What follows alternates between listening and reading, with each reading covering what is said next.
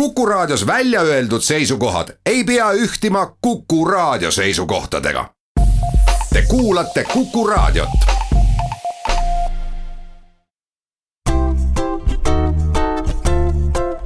patsiendiminutid, Patsiendiminutid toob teieni Eesti Patsientide Liit tere, hea Kuku kuulaja. mina olen Kadri Tammepuu ja tänases saates räägime me hambaravist sel nädalal avaldati sotsiaalministeeriumi analüüs, mis hindas olukorda hambaravis ja kevadel astus ametisse uus valitsus, kelle tegevuskavas oli ka punkt sisu siis selles, et täiskasvanud saaksid edaspidi neile mõeldud hambaravihüvitist kasutada just nimelt oma hambaarsti juures. minuga koos on stuudios hambaarstide liidu uus president Piret Väli, tere tulemast saatesse. tere Teie olete nüüd äh, küll uus Hambaarstide Liidu president, aga see amet ei ole teile võõras. millal äh, see täpsemalt siis oli, kui te viimati Hambaarstide Liitu juhtisite ja kui pikalt te seda tegite? no kuus aastat tagasi oli siis, kui lõppes minu ametiaeg ja tegin siis seda ka kuus aastat, et ma praegu ei suudagi nagu peas kohe meenutada, mis aastanumber see oli. aga sellest on tõesti kaua aega tagasi kui ma üldse nagu liitu juhatusse tulin ja sealtmaalt on olnud aktiivne tegevus olnud äh, hambaarstide liidus nii Eestis kui ka Euroopa Liidus mis nüüd tänaseks muutunud on, kui te vaatate, et millised on need ülesanded, äh, mida teil tookord ei olnud, aga mis täna hambaarstide liidu ees seisavad? No eks äh, ajas on ju muutunud ka see teenus, et ega tegelikult selles hetkes, kui arstiabist arstiteenus sai, eks siis on ka tekkinud päris palju probleeme et me peame teinekord lihtsalt selgitama seda, et, et arstiteenusel on üks väga eriline omadus, et ta on vajaduspõhine. ja ei ole olemas standardpatsienti ega standardhaigust ja selle tõttu ei ole võimalik neid kõiki piire nii täpselt paika panna. haigekassa üritab selgeks teha praegusel hetkel, et ei ole nagu läbipaistev, palju miski maksab ja et kuskil on kõrgemad ja teises kohas väiksemad hinnad. siis tihtilugu ongi see, et, et ega enne seda ühte konkreetset visiiti ei olegi võimalik selgeks teha. et ega arstist päris klienditeenindajat ikka ei saa. aga on neid äh, väljakutseid veel? No kindlasti hariduse küsimus, et me näeme seda, et siin Euroopa Liidu pooltki on olnud initsiatiivi hinnata, et kas kõiki regulatsioone on vaja. me näeme seda, et terviseamet on ka teinekord natuke liiga lihtsasti meile siia registrisse pannud arste, kes on tulnud kolmandatest riikidest. rääkimata sellest, et keeleoskuse nõuet ei ole tänu sellele, et jaapanlased on nii korralikud inimesed, tulid meie ise ennast tutvustama. aga see, et nad olid juba viis tükki registris, kes isegi inglise keelt ei rääkinud, oli üllatav ja kui me küsisime selle jaapanlase käest, et aga miks te Eestisse tulite, siis ta ütles, et siin on kõige lihtsam Euroopa Liidus ennast registrisse saada. Kas need viis Jaapani hambaarsti juba töötavad? praegusel hetkel, kus terviseamet äh, nii-öelda registreerib ja, ja kogu meie eriala tegevuslubasid väljastab, meil see info puudub ja me peame siis kõvasti uurima neid asju alati, kui me tahame midagi teada saada ja nagu me näeme, siis registris on praegu tuhat kaheksasada inimest, kust nad sinna tulnud on, me ei tea sest et tegelikult me teame, et reaalselt töötab võib-olla tuhat kolmsada inimest. no see vist ongi nende registritega täna, et äh, registris on rohkem inimesi kui päriselt tööl. aga mida siis patsiendile öelda, et kui hambaarst ikkagi sinu emakeelt ei oska, kas siis tasuks kuidagi ettevaatlik olla? Ma usun küll, et ikkagi esmane ju on arsti-patsiendi suhtes see, et me üksteisest hästi aru saame. aga ma usun, et need jaapanlased, kes siia tulid, nad kasutavad Eestit lihtsalt ära, et nad tõenäoliselt liiguvad siit edasi.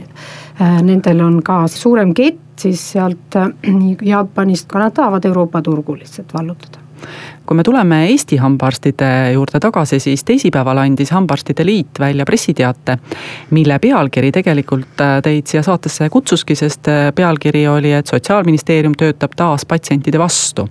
mis siis juhtus ja, ja millest see välja paistab, et kas ministeerium on nüüd äh, midagi muutmas või midagi teisiti tegemas? ministeerium on sisuliselt nüüd taganemas oma, oma nendest prioriteetidest ja lubadustest.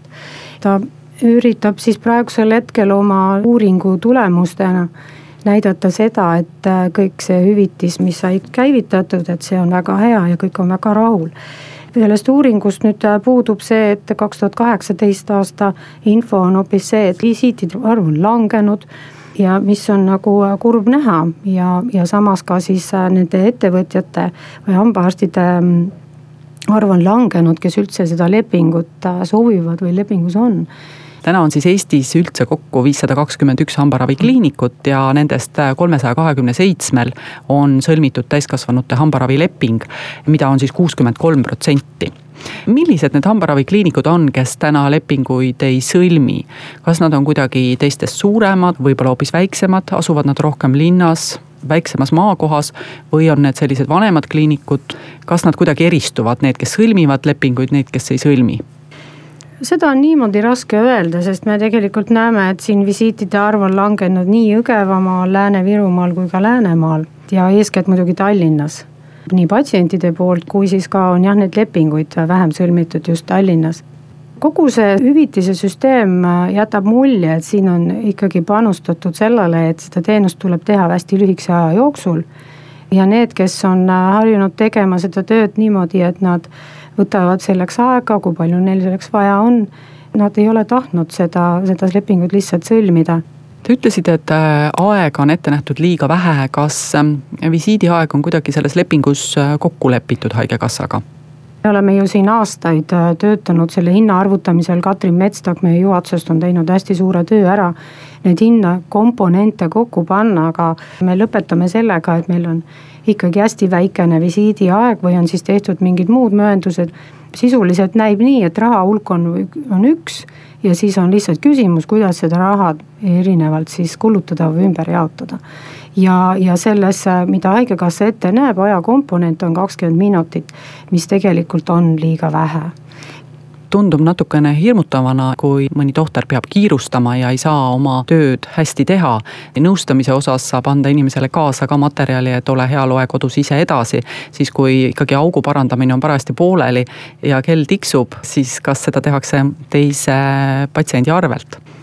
Ma arvan, et eks nad siis äh, võib-olla kasutavad seda aega ka pikemalt, aga lihtsalt äh, mingite muude teenuste arvelt siis kaetakse see kulu. Et laste hinnakiri on olnud ju ka kogu aeg liiga väike ja see on täiskasvanute arvelt olnud äh, see vahe kinni kaetud ega arstitöö või hambaarstitöö eriti on, on ikkagi selline, mis on väga suure ajakuluga. ja ajakomponent on väga suur ja, ja keegi ei, ei taha kiirustada ega lõpetada seda teenust varem ära. sellepärast, et aeg täis sai, ikkagi tehakse seda nii kaua, kui seda vaja on selge, aga läheme siit korraks pausile, peatselt oleme tagasi ja jätkame juttu hambaravist. patsiendiminutid, Patsiendiminutid toob teieni Eesti Patsientide Liit. Stuudios on doktor Piret Väli, Hambaarstide Liidu president ja Kadri Tammepuu. meie tänane saade on hambaravist. Väga tihti jätavad hambaravikliinikud, äh, täpsemalt siis veidi alla neljakümne protsendi kliinikutest äh, lepingu sõlmimata, et osutada täiskasvanute hambaravihüvitist ja see on seotud tihti hindadega kas olete ka arvutanud, et millised võiksid siis need hinnad olla, kui palju kõrgemad äh, selleks, et noh, ütleme näiteks kaheksakümmend protsenti kliinikutest lepingu sõlmiksid? pigem peaksid olema kui hinnavahemikud kasvõi ütleme, kõige lihtsam täidise panek, et ta võib olla siis väike täidis, aga kui ma ikkagi sellele pean kulutama kolmkümmend viis minutit selle asemel, et teha see näiteks kümne minutiga, siis see hind ei peaks olema sama. Kõige parem lahendus on ikkagi see, et see raha peab minema koos patsiendiga. patsient on vaba minema siis sellesse raviasutusse, kus ta tahab aga seal on ka võimalus ju valida siis ka selle järgi, et kui kuskil on hind soodsam, siis haigekassa hüvitab. inimene saab kaasa arve, kus on ilusti kirjas, palju see teenus maksis, palju oli siis haigekassa poolne hüvitis. samamoodi ka haigekassal on täpne info selle kohta, et millist teenust osutati.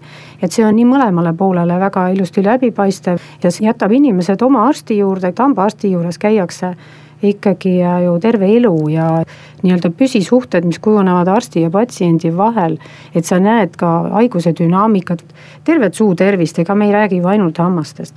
ja see usaldus on ju üldse arstitöös kõige olulisem osa soomlased on ju väga hästi seda teinud, et tervisekeskustes omavalitsus kannab need osakulud ja see on inimesele soodsam. aga haigekassa hüvitab igal pool mujal käies oma hinnakirja alusel, ehk siis oma hüvitise määra ulatuses. ja samas on oluline see, et, et me mõtleksime nende inimeste peale, kes on tõesti vähe kindlustatud praegusel hetkel ikkagi see süsteem ei aita neid aga kui me keerame asja teistpidi, siis tuleb siin mängu ka arstide koormus mis te arvate, kui nüüd äh, kõik elanikud hakkaksid käima kord aastas arsti juures, nii nagu hambaarstid äh, soovitavad? kas hambaarstid on selliseks koormuse tõusuks valmis? hambaarstid on selleks valmis ja kui me vaatame hambaarstide arvu elanike kohta, siis kindlasti iga patsient endale arsti leiab, et selles ei ole üldse küsimus. ja me peame väga rõhuma sellele, et kõige odavam, kõige parem inimesele on seda haigust ennetada. hambaarstidel on väga suur roll üldse tervisekäitumise muutmises. me peame rääkima toitumisharjumustest, samamoodi ka suitsetamisest või nimelt sellest loobumisest, huuletubakast et inimene hakkab hoolima sellest. muidugi üks suur teema, millega ma isiklikult tahaksin tegeleda, on, on see, et kas me kuidagi ühel hetkel jõuaksime nii kaugele riigina, et meil oleks korralik tervisekasvatus. lapsi on kõige parem õpetada, siis meil on tulevikus palju vähem vaja raha kulutada. ei ole vaja karta hambaarsti, ei ole vaja äh, muretseda tüsistuste pärast.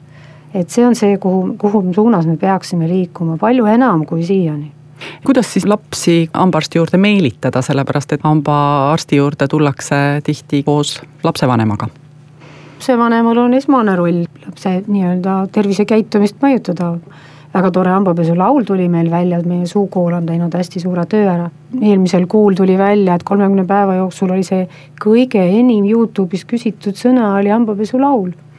tegelikkus hakkab sellest, et kodus, et ei näksita terve päeva ja tuuakse arsti juurde laps siis, kui tal ei ole veel ühtegi auku ja tal tekiks harjumus käia seal kontrollis, tekib suhe arstiga seal on võimalik lapsele teha see väga meeldivaks, toredaks kogemuseks.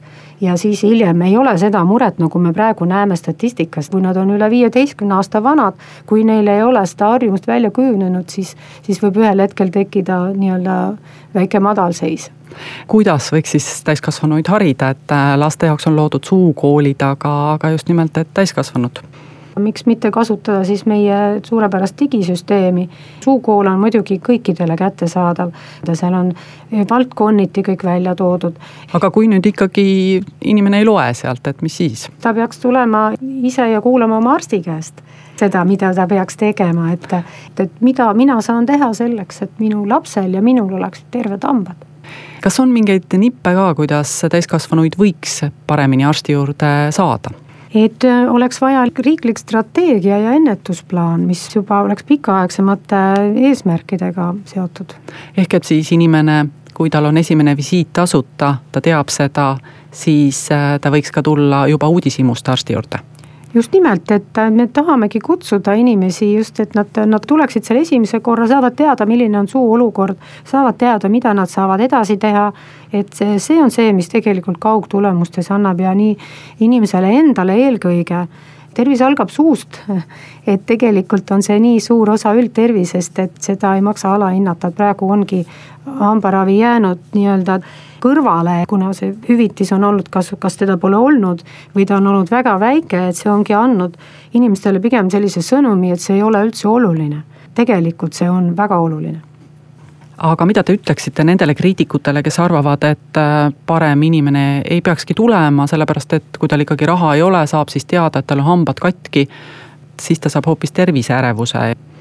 see ei ole kindlasti õige lähenemine, et ega siis äh, kui kuskil on midagi natukene katki, siis on kõige parem viis on see, kui ta saaks ikka võimalikult kiiresti korda see asi, et, et see asi ei läheks hullemaks, et me võime siin omal mingeid olmeasju lasta mõne asja katki minna ja siis osta selle asemel uue.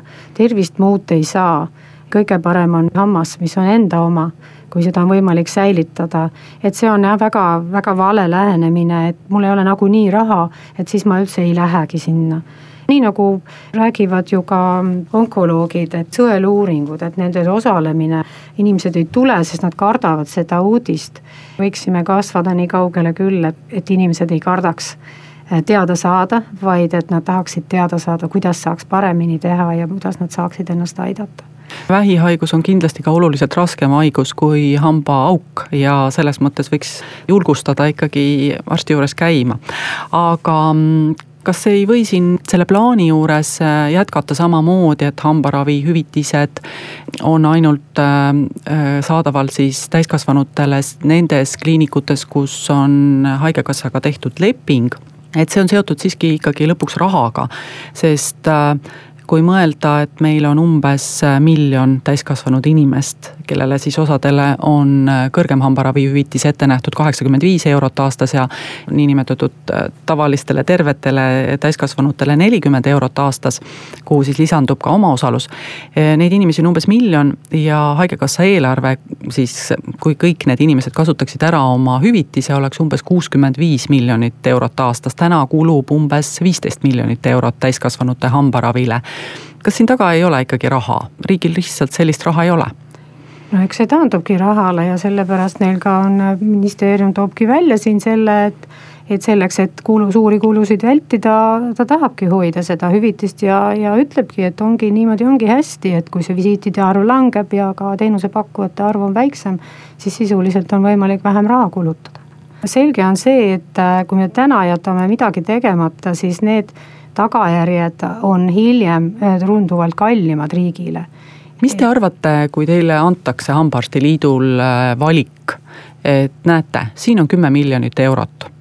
Kuhu te selle raha paneksite, kas pigem sellesse, et iga Eesti elanik saaks korra aastas või ka kahe aasta jooksul käia ja näidata oma hambad hambaarstile ette või äh, tõsta näiteks hambaravihüvitist no ma arvan, et kõige mõistlikum on ikka see, et nad saaksid käia vähemalt korra aastas arsti juures ja kindlasti võiks mõelda selle peale, et need vähekindlustatud inimesed, nende Nende kohta info kättesaamine ei ole üldse raske, ka haigekassal endal on olemas, et need, kes saavad toimetulekutoetust, et need inimesed on ju teada. Ja, ja nendele võiks siis see omaosalus olla väiksem või olematu, samuti puuetega inimesed, et just need kõige nõrgemad saaksid seda abi ja teised saaksid siis teada, milline see olukord on ja, ja, ja kaardistada ära ja, ja mõelda, kuidas siis äh, vältida edaspidi neid haiguseid.